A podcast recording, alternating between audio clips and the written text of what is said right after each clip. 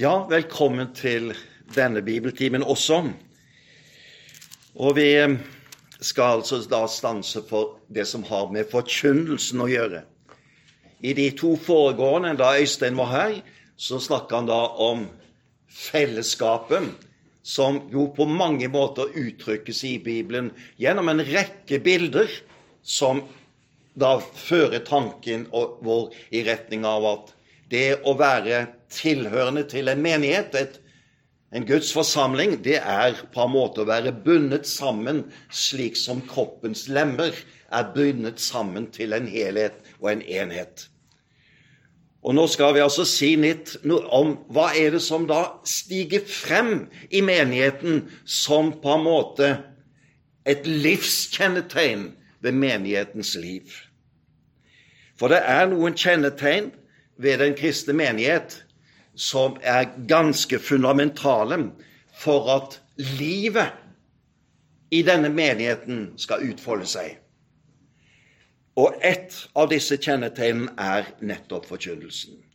Og Det er det jeg ønsker at vi skal stanse for og få et innsyn i. Og det er mange bibelord som da kan hentes frem for å tydeliggjøre dette for oss.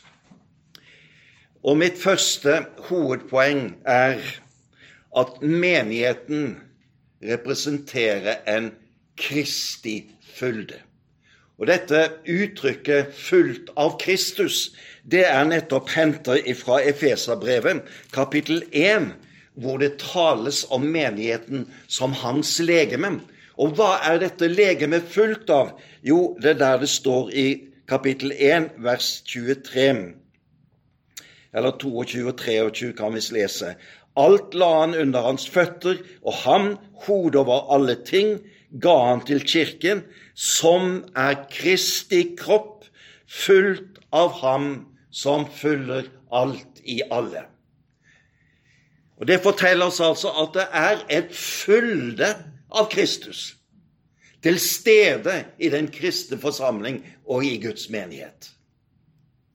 Det er altså et nærvær av ham som er fullt av alt det som han bærer med seg, av hans rikdom, innsikt og alt det som han bærer med seg. Dette nærværet i den kristne menigheten er i utgangspunktet et skjult nærvær. Du ser han ikke nå med ditt øye. Du kan ikke ta borti han med hendene dine. Men han er her allikevel, skjult til stede. Og Så er spørsmålet hvordan stiger da Jesus frem, slik at det blir til et reelt møte med ham, slik at vi gjennom dette samværet om ham blir kjent med ham og får del i de rikdommer som han har. Og Jeg tror du husker denne episoden om Thomas i forbindelse med da Jesus sto opp og de 40 dagene som gikk før han ble tatt bort fra dem. Og Disiplene hadde møtt ham, og Thomas hadde ikke vært der. Og han sa, 'Jeg kan ikke tro før jeg får ta på'. Og så kom Jesus, og så tok han på. Og så må Jesus til slutt si, 'Salige er de som ikke ser, og allikevel tror'. Og i denne situasjonen er det også vi er i. Det er at vår salighet, som er knytta til Jesus Kristus, den får vi tilgang gjennom troen på ham. Og så er det spørsmål hvordan blir så troen til, og hva er det troen griper om? For troen forutsetter kunnskap. Den forutsetter at vi kjenner til. For tro er ikke tro ute i løse luften, slik at vi virrer omkring som om tro er et eller annet diffust. Og det er heller ikke en stemning i vårt hjerte, men det er et kjennskap til Jesus Kristus. Og dette kjennskapet til Han forutsetter at vi har kunnskap om hvem han er. Hvis vi ikke kjenner han, hvem han er, kan vi heller ikke tro på ham. Og er vårt kjennskap til han svakt, fragmentert, ufullstendig, så er også vår tro på ham fragmentert, ufullstendig og fattig. Kun troen forutsetter at jeg kjenner Jesus Kristus.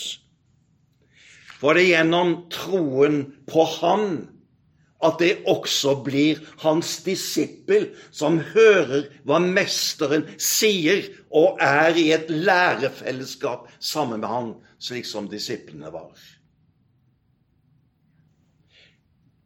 Og Så er spørsmålet hvordan trer Jesus frem for oss? slik at vi lærer Han å kjenne, og at troen skapes, opprettholdes, vokser og blir moden. Hvordan kommer Jesus oss i møte?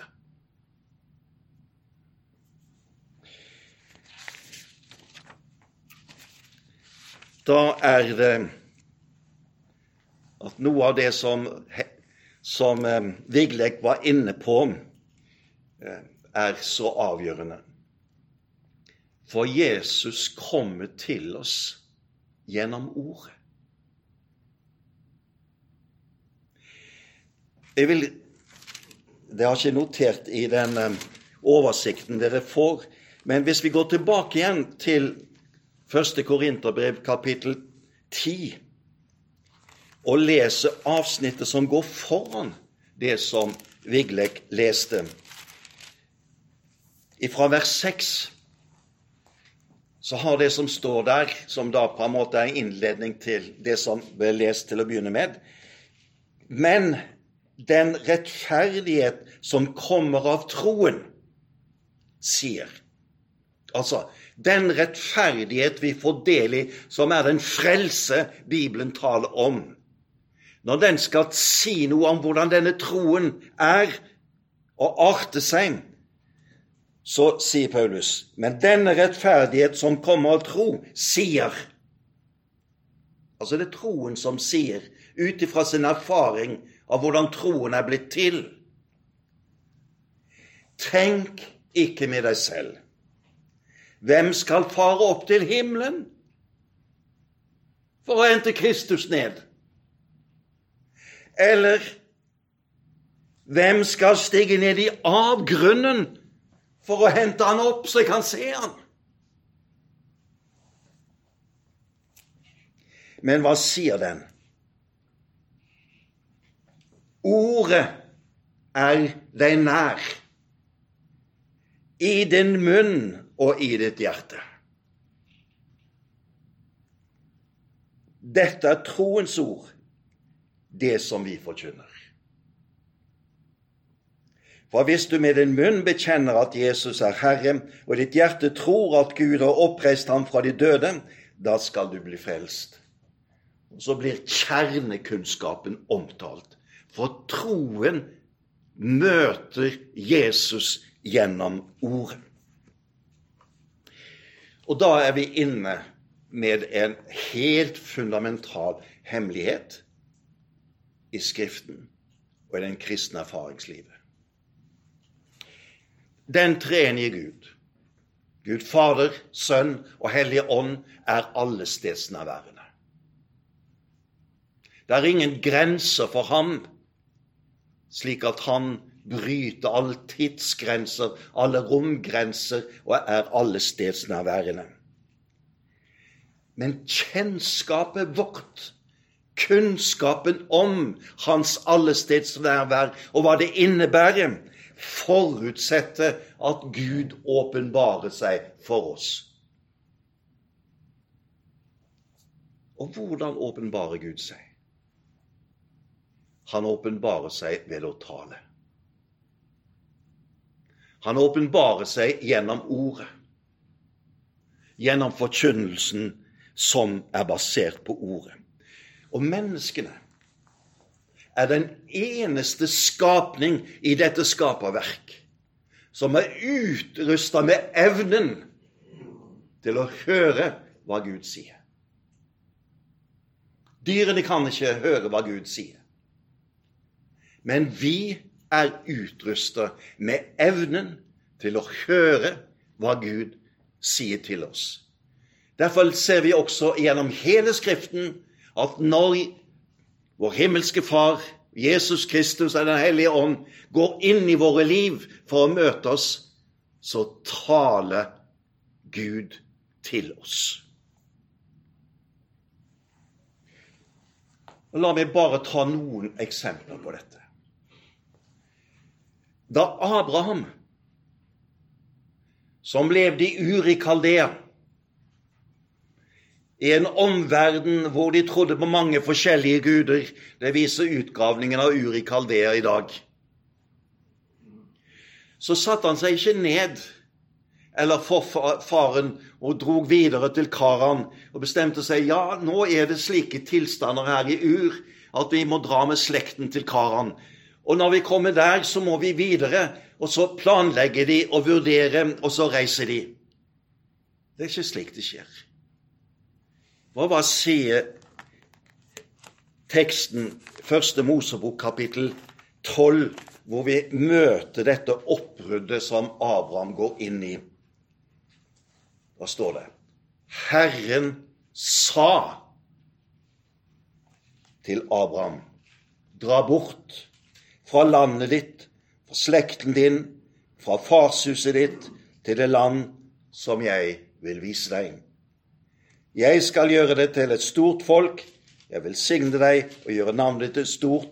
Du skal bli til velsignelse, osv. Og, og når Moses leder folket ut fra Egypten,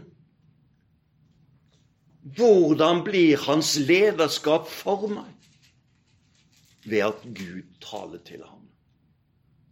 Og når Gud skal inngå paktfellesskapet med dem på Sinai, hva er det da som skjer? Det er ikke folket som setter seg ned og finner ut at nå må vi skaffe oss noen lover, og nå må vi skaffe oss en, en sånn fellesskapspakt som gjør at vi kan leve sammen og kan bli i stand til å vandre inn i dette landet som vi nå er på vei mot.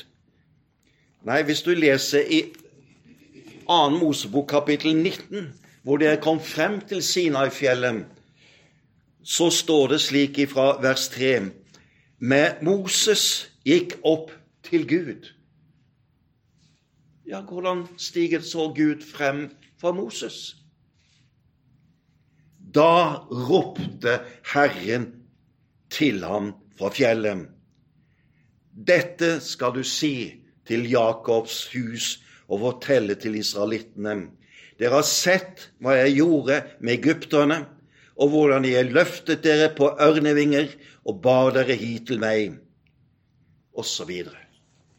Gud roper, taler til Moses for å istandsette ham til å være den leder han er, og for at han på Guds vegne skal inngå denne pakten som da inngås ved Sinai-fjellet. Når Gud handler i sin frelseshistorie, så er det mange ting som skjer i denne frelseshistorien. Men det er først når Gud taler om sine gjerninger, slik som han talte om utferden fra Egypt, at folket forstår hva som skjer. Derfor når vi i historisk sammenheng går til kilder fra Egypt eller fra andre områder i samtiden for å få vite noe om Israel og hva folk tenkte, så får vi bare fatt i folks måte å tenke på, men ikke i det som er Guds plan og Guds tale og Guds handling. Den må åpenbares. Og når Gud åpenbarer sine gjerninger og forteller oss hva dette er for noe, så taler han til oss gjennom Ordet. Ordet er helt grunnleggende i alt som har med det å få kjennskap til hvem Gud er. Og denne ordåpenbaring fra Abraham og videre ned gjennom hele historien, den er gjort kjent for oss ved at de profeter, apostler, som Gud valgte ut som sine ordbærere, de har fått nedfelt sitt budskap i denne bok, slik at deres erfaring av når Gud taler til dem, den er gjengitt i Skriften. Det er skriftliggjort for oss, slik at ordet er tilgjengelig for oss. For når jeg leser dette ordet, så blir jeg på en måte samtidig med Abraham, med Moses og med alle de andre som jeg hører om gjennom historien. Fordi at jeg hører det ordet som avdekker historien som er Guds historie for meg. Og denne skrift er det som er et Guds levende ord jeg, jeg må lese for dere det som står i 2. Timoteus, hvor Paulus skriver til sin venn eh, Timoteus, og han nevner hva han er oppdratt i. I kapittel 2 Nei, i kapittel 3 i andre brevet fra vers 15 Og det forteller altså hvor helt grunnleggende dette skriftordet er for det kristne livet. Fra vers 15 Ja, eller vi kan ta fra vers 15. 14, mener. Men du skal holde fast på det du har lært. Altså, Timoteus er blitt undervist. Han er blitt lært. Han har fått innsikt og kunnskap, og som han fortsetter, og er blitt overbevist om. Det du har hørt, det du har lært, det har slått rot i din bevisste på en slik måte at du er overbevist om at dette er sant. Og så sier han videre Du vet jo hvem du har lært det av.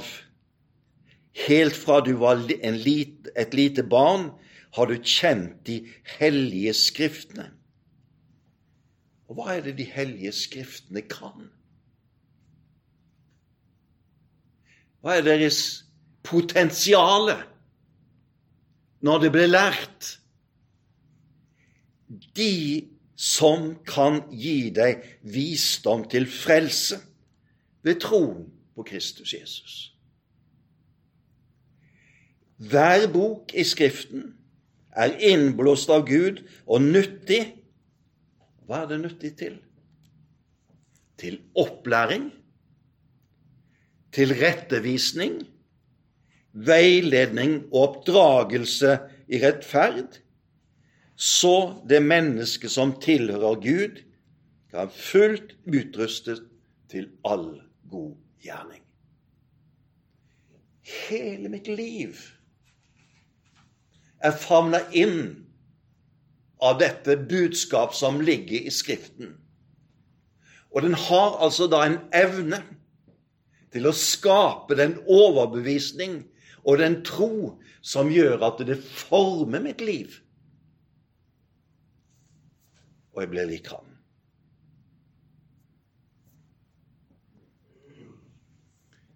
I sentrum av denne åpenbaring gitt oss ved ordet står Jesus Kristus selv. Derfor er det første som Paulus sier, som kan gjøre deg vis til frelse.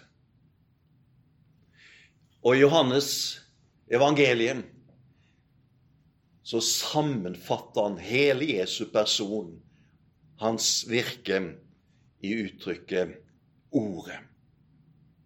I begynnelsen var Ordet, og Ordet var hos Gud, og Ordet var Gud.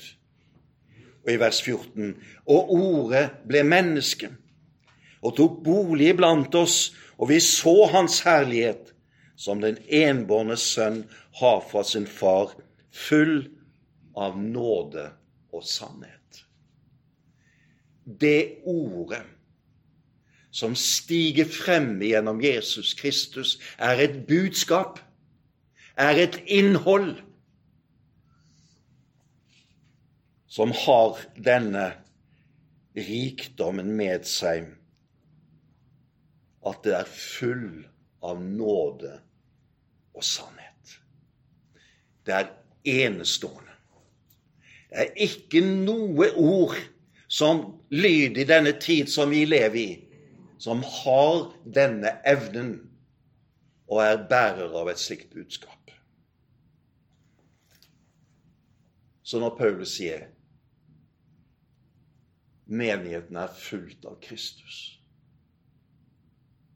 så er det denne Kristusrikdommen åpenbart i ordet for oss som er til stede. Og denne rikdommen her, den brettes ut etter hvert som ordet blir levende, og etter hvert som vi får innsikt i det, etter hvert som vi blir opplært i det, etter hvert som det får virke på oss og skape i oss det det evner. Så denne Kristusfylden som er i Guds menighet, er avhengig av at ordet blir forkynt. Og da er jeg på mitt tredje hovedpunkt forkynnelsen av ordet.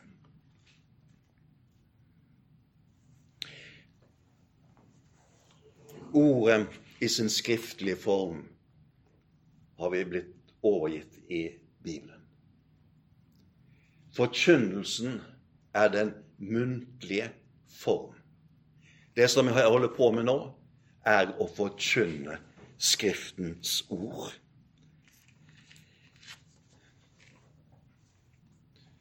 Og Bibelen er helt tydelig på, hvis vi følger den både i evangeliene og i apostelens gjerninger og i brevlitteraturen, så hørte forkynnelsen med til den kristne menighet sitt liv og virke fra første øyeblikk. Og denne forkynnelsen har en egenart.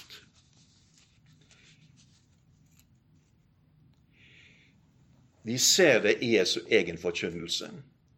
Vi ser det i apostelens forkynnelse, slik som den er gjengitt i apostelens gjerninger. Og denne egenarten er at forkynnelsen skal ha en aktuell adresse. Forkynnelsen skal på en måte ta forsamlingen til fange inn under det åpenbaringsordet som er gitt oss. Så forkynnelsen har et blikk imot den åpenbaring som er gitt oss i Skriften. Derfor må forkynnelsen være slik at vi skal tale som Guds ord taler. Det sier Peter i, kapittel, i sitt uh, første brev, kapittel 4. Og samtidig skal forkynnelsen være innrettet mot den samtid vi lever i, mot den menigheten og dens liv slik som det utfolder seg her og nå. Slik at det blir et møte mellom den levende Gud, slik som han har åpenbart seg og gjengitt i Skriften, og våre liv, slik som de ledes. Forkynnelsen er det aktuelle og aktualiserte Guds ord.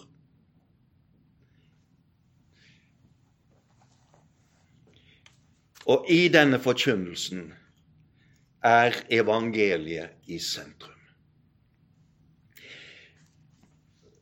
Og jeg skal minne dere om Jesu avskjedstaler, ulike gjengivelser av det i evangeliene. Så sier han noe om oppdraget disiplene får. Og Da skal du legge merke til at forkynnelsen av evangeliet står i sentrum av dette. Jeg leser fra Markus 16, vers 15. Gå ut i all verden og forkynn evangeliet for alt som Gud har skapt. Forkynn evangeliet. Og i Lukas 24, 45 og vers etterpå da åpnet han deres forstand så de kunne forstå Skriftene, og han sa til dem, slik står det skrevet, skrevet Messias skal lide og stå opp fra de døde tredje dagen, og i hans navn skal omvendelse og tilgivelse for syndene forkynnes for alle folkeslag.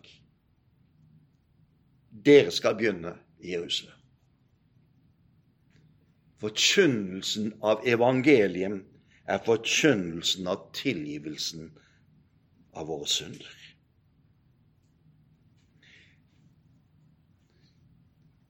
Jesu død og oppstandelse står i sentrum. Og da disiplene ved avskjeden ved Jesu himmelfart får beskjed om at dere skal få kraft når Den hellige ånd kommer over dere, og dere skal være mine vitner. Hva er de vitner om? De er vitner om det liv som Jesus har levd, og i sentrum av det står hans døde oppstandelse, som er evangeliets fundament. Og Dere skal være vitner i Jerusalem, i Judea, i Samaria og like til jordens ender. Og Da Paulus skriver sitt brev til menigheten i Korint, det første brevet, i kapittel 15, så oppsummerer han på en måte noe av det som han har gjort i menigheten.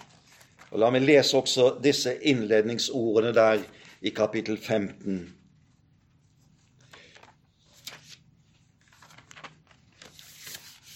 Jeg kunngjør for dere søsken, det evangelium jeg forkynte dere, det dere også tok imot, og det dere også står på. Gjennom det ble dere også frelst når dere holder fast på ordet slik jeg forkynte det. Det evangelium jeg forkynte dere. Hva er evangeliet? Hva er evangeliet? Evangeliet har fire trekk ved seg. Det første er at evangeliet er alltid forankret i den historiske begivenhet som fant sted ved Jesu komme, hans død og oppstandelse. Evangeliet har alltid en forankring og en gjengivelse og gjenfortelling av det som skjedde med Jesus. Du kan ikke forkynne evangeliet uten at denne historiske begivenheten ligger i bånd for alt det du sier.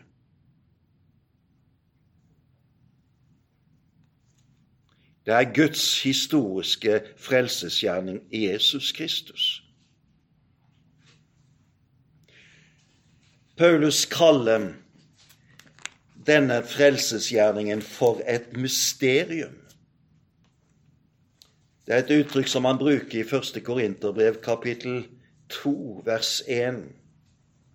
Da jeg kom til dere søsken, var det ikke med fremragende talekunst eller visdom jeg forkynte Guds evangelium.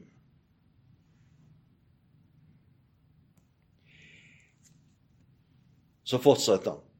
For jeg hadde bestemt at jeg ikke ville vite av noe annet hos dere enn Jesus Kristus og ham korsfestet. Og i Galaterbrevet forteller han hvordan han malte Kristus som korsfestet for dem. Evangeliet kan ikke forkynnes uten at det har sin forankring og tilvisning til hva som skjedde med Jesus i hans liv, hans død og oppstandelse. Jeg har også lyst til å lese innledningsordene i Johannes sitt første brev kapittel 1. Johannes, en av apostlene, han som lever lengst av de alle. Så skriver han disse brevene,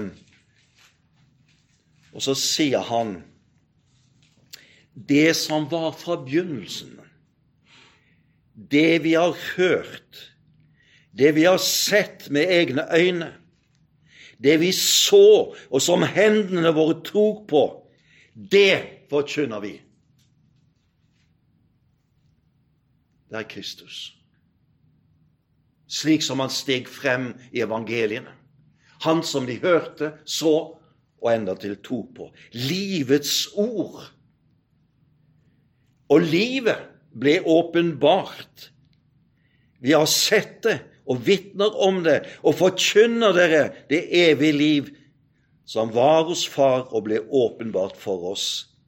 Det som vi har sett og hørt, forkynner vi også for dere for at dere skal ha fellesskap med oss, vi som har fellesskap med Far, med Hans Sønn Jesus Kristus.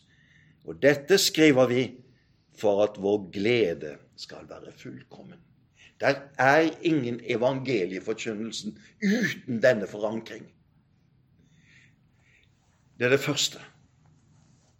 Derfor gjenforteller vi historien om Jesu liv og døde oppstandelse. Og Den må gjenfortelles til alle generasjoner. Og den må huskes og påminnes. Det andre ved evangeliet, det er at evangeliet understreker at det som skjedde med Jesus, det var en stedfortredende frelsesgjerning. Han døde for mine synder. Han døde for all verdens synd. Hans død på korset er ufortjent. Han døde ikke på grunn av sine synder. Han døde ikke som en vanlig martyr. Han døde fordi han ble gjort til synd for vår skyld. Han gikk under den dommen som synden hadde ført over menneskeslekten. Og han går innover der og sier, 'La all denne dom komme over meg.' Jeg gir mitt liv for dem. Derfor er evangeliet alltid en forkynnelse av hans stedfortredende frelsesgjerning for oss. Han går i mitt sted. Han er ikke en person som sier 'gjør som jeg gjorde', etterlign meg. Men han dør for meg.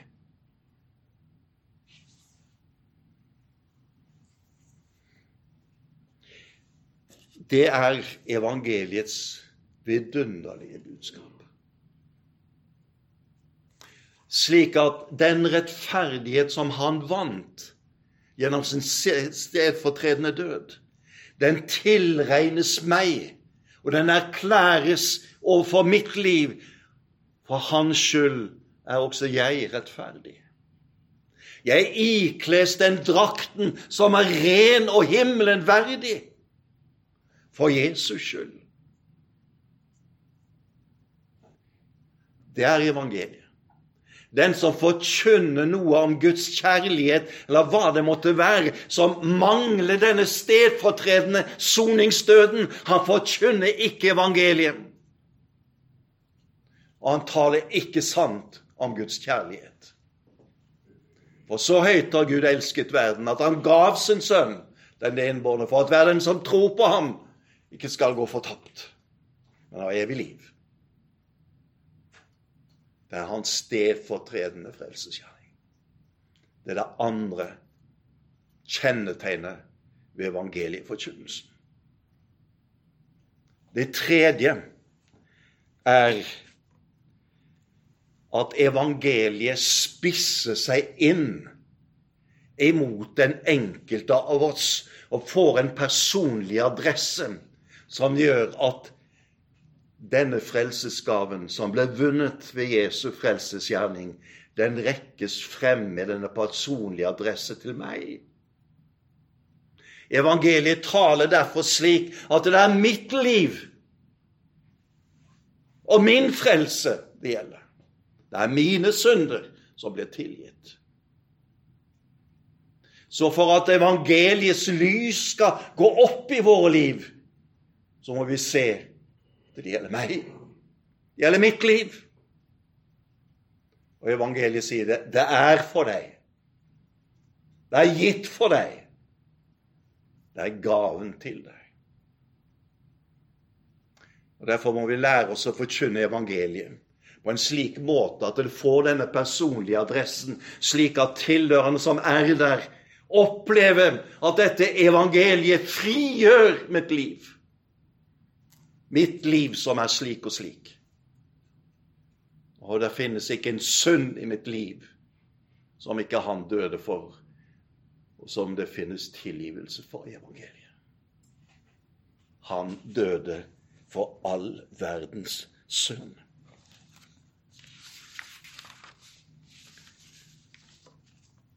Så er det en fjerde punkt ved evangeliet. Evangeliet har en iboende kraft i seg.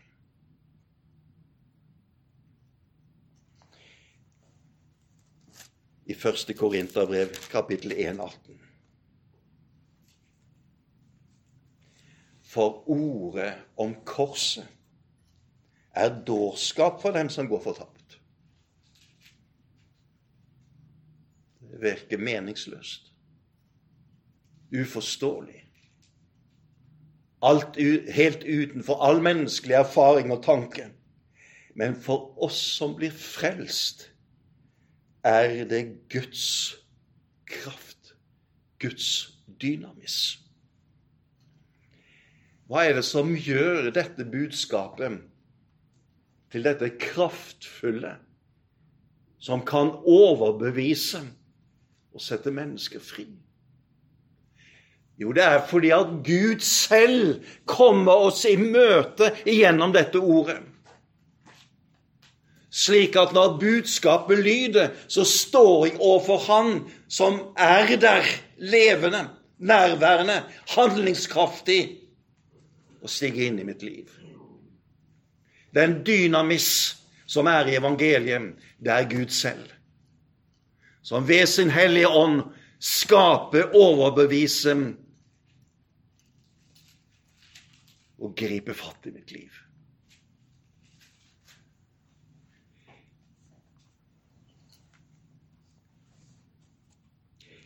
Så i denne forkynnelsen av dette frelsesbudskapet, dette evangeliet, stiger Jesus selv frem og møter meg.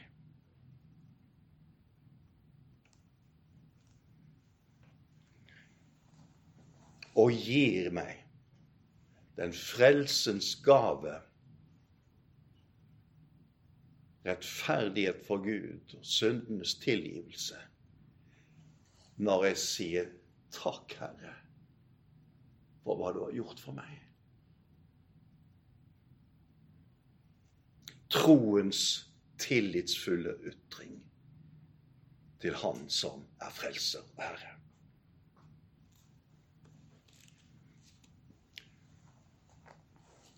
Så må jeg si en ting til. Et. For forkynnelsen av evangeliet har et bakteppe.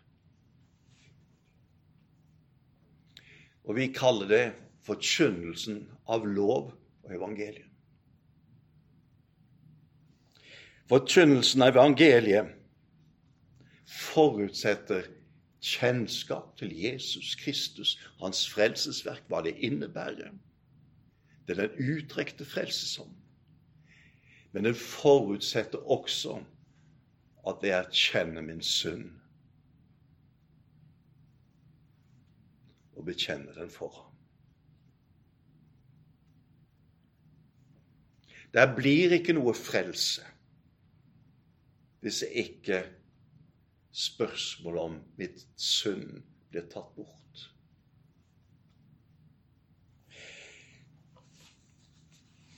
Sagt med andre ord For å kunne ta imot evangeliet må jeg bli omvendt. Når Jesus stiger frem i sin offentlige forkynnelse, så gjengir Bibelen dette med noen korte uttrykk. Og det står om at han forkynte Venn om, vår himmelrike er kommet nær. La meg illustrere dette sammen med å ta utgangspunkt også i Peters pinsepreken, som konkret viser hvordan disse tingene hører sammen. Dere vet hva som skjedde på pinsedagen. Folk kommer der og hører og forstår ikke hva som skjer. Og de mener de er fulle, de har drukket seg fulle av søt vin. Så stiger Peter frem, og så holder han sin berømte pinsetale som er en gjennomgang av hvordan Gud har handla i historien med sikte på å føre frem den frelse som er i Jesus Kristus. Og da sier han, når han har gått igjennom dette helt frem til de arresterer han, og han blir drept så skal hele Israels folk vite for visst. Denne Jesus, som dere korsfestet, ham har Gud gjort til både Herre og Messias. Han har dere korsfestet. Han har dere avlivet. Han som var løftet sønn han som var Guds Messias, som det var talt om i profetene, som dere venter på i hundrede år. Han korsfestet dere. Og så fortsetter teksten. Da de hørte dette, stakk det dem i hjertet, og de sa til Peter og de andre apostlene, hva skal vi gjøre, brødre? Da slår dette avslørende ordet inn i tilhørendes liv. Og de forstår at de er anklaget. Hva skal vi gjøre? Vi som korsfester ham. Og så fortsetter Peter med hva de skal gjøre. Vend om, og la dere døpe til Jesu Kristi navn, hver og en av dere, så dere kan få tilgivelse for syndene, og dere skal få Den hellige ånds gave. Vend om og få syndene tilgitt. Forkynnelsen i evangeliet har et bakteppe som henger sammen med menneskenes liv under syndefallets konsekvenser. Den syndefallsvirkeligheten som er til stede i ethvert slektsledd til enhver tid, må avdekkes. Og den arter seg på mange forskjellige måter i den enkeltes liv og i et samfunnsliv. Den avdekkingen av denne syndefallsvirkeligheten er med på å stille oss til ansvar for Gud for våre liv. Hva skal vi gjøre? Vi er jo under dommen. Vi er under dødens krefter. Vi går fortapt.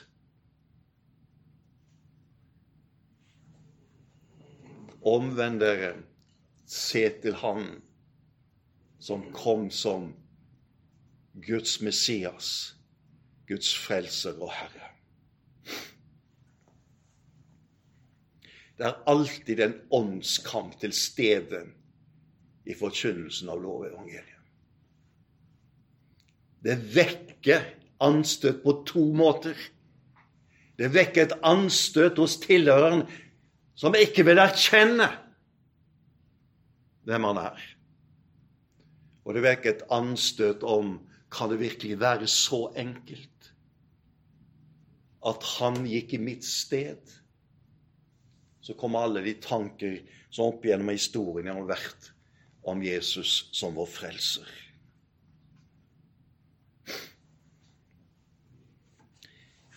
Det er en åndskamp. Og la meg lese ett ord til, som illustrerer dette for oss, nemlig i andre brev til menigheten i Korint.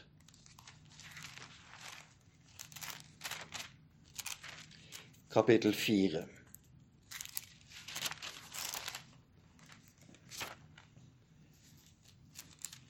Og ifra vers 3.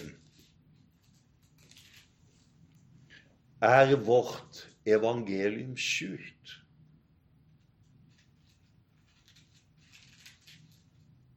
så er det skjult for dem som går fortapt. For denne verdens Gud har blindet de vantroe sin, så de ikke ser lyset som stråler frem fra evangeliet om Kristi herlighet, Han som er Guds bilde. Vi forkynner ikke oss selv, men Jesus Kristus som Herre og oss som tjenere for ham for Jesus skyld. Der er en åndskamp. Alltid når forkynnelsen av evangeliet lyder. For denne verdens Gud forblinder de vantro slik at de ikke kommer til Han som har frelsen.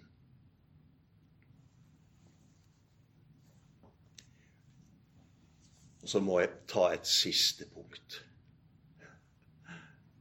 Det er mange ting på en gang som har med fylden i forkynnelsen. Der er hos Jesus Kristus som frelser og Herre en rikdom for hele vårt liv.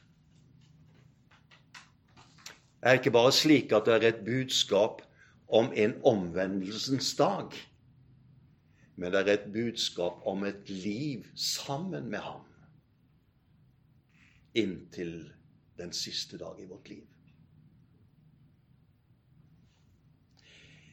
Gud har en plan. Gud har en vilje med våre liv.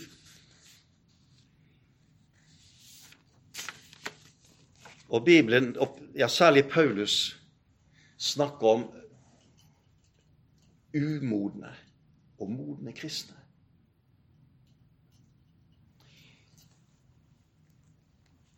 Efeserbrevet bl.a., også i, i Korinterbrevene, er inne på dette med det umodne. Men jeg vil lese avsnittet fra Efeserne 4, som får frem at i et kristenliv er det snakk om å vokse i tro og kjennskap til Jesus Kristus. Det er en rikdom hos Han som er der for hele vårt liv.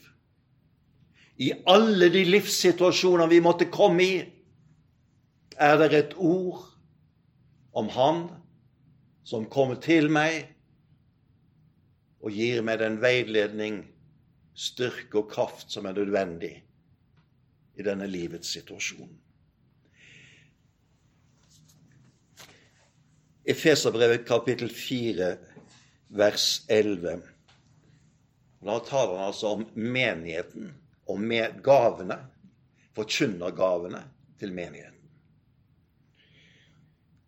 Og det var han som ga noen til å være apostler, noen til profeter, noen til evangelister og noen til hyrder og lærere. Hvorfor?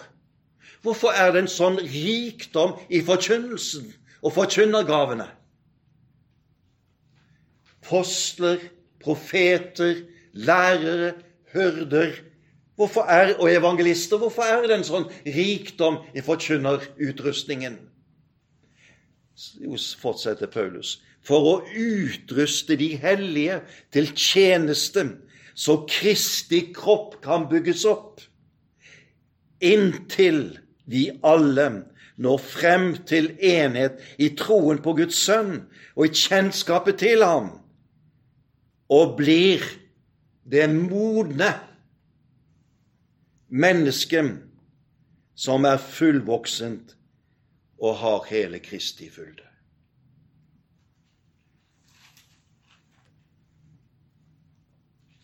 For at vi skal bli modne.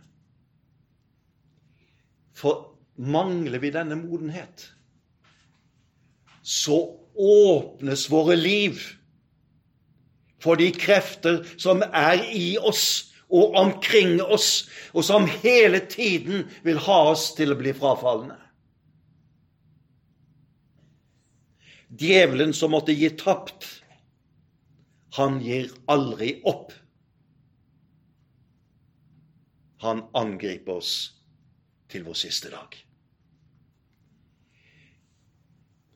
Så For å fortsette Paulus med akkurat dette aspektet så skal vi ikke lenger være umyndige småbarn og ikke la oss kaste hit og dit og drive omkring ved hvert eneste vindpust av ny lære, så vi blir et bytte for menneskers falske spill og listige og forførende knep. Men vi skal være tro mot sannheten i kjærlighet og i ett og alt vokse opp til Han som er hodet Kristus. Der er altså denne fylden hos Kristus. Og som de ulike forkynnergavene også er satt til å utfolde for oss. For i møte med denne forkynnelsen utrustes vi, modnes vi, og evner å møte den tid vi selv lever i med de fristelser, prøvelser, som denne tid bringer med seg.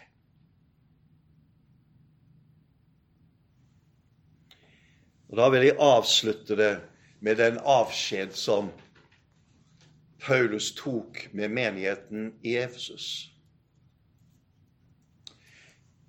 Han var på sin siste reise til Jerusalem.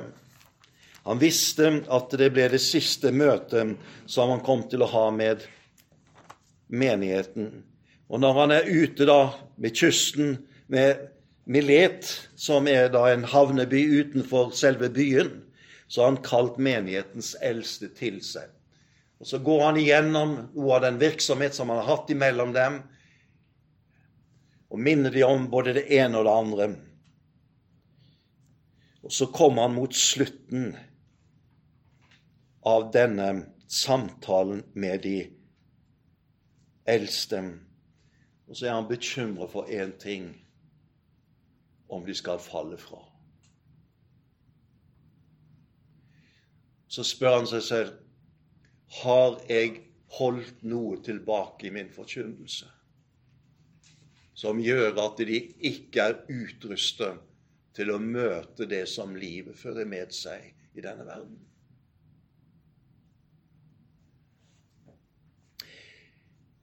Da sier han det slik, vers 26 og 27. Derfor erklærer jeg for dere på denne dag at jeg er uten skyld om noen forspiller sitt liv.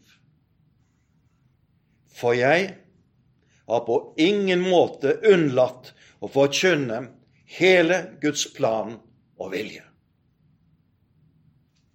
Det er ikke noe som er holdt tilbake for dere.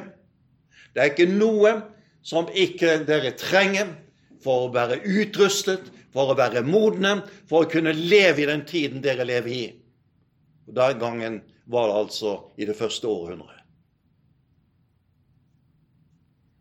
Slik skal det også være i den kristne menighet.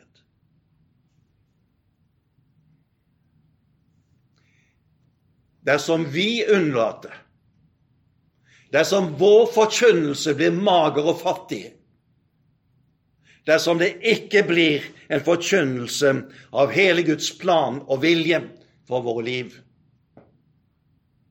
så er det en som utnytter denne magringssituasjonen i den kristne forsamling. Og det er han som vil føres bort. Det er frafallet.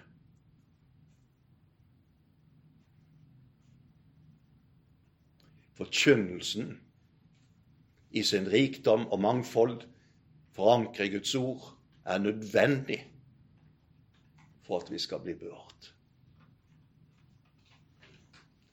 Det er det også i Bergens Indremisjon. For at denne forsamling skal bli bevart. Herre Jesus, du som er her med hele din rikdom, all din kunnskap og innsikt, all din styrke, all din veiledning.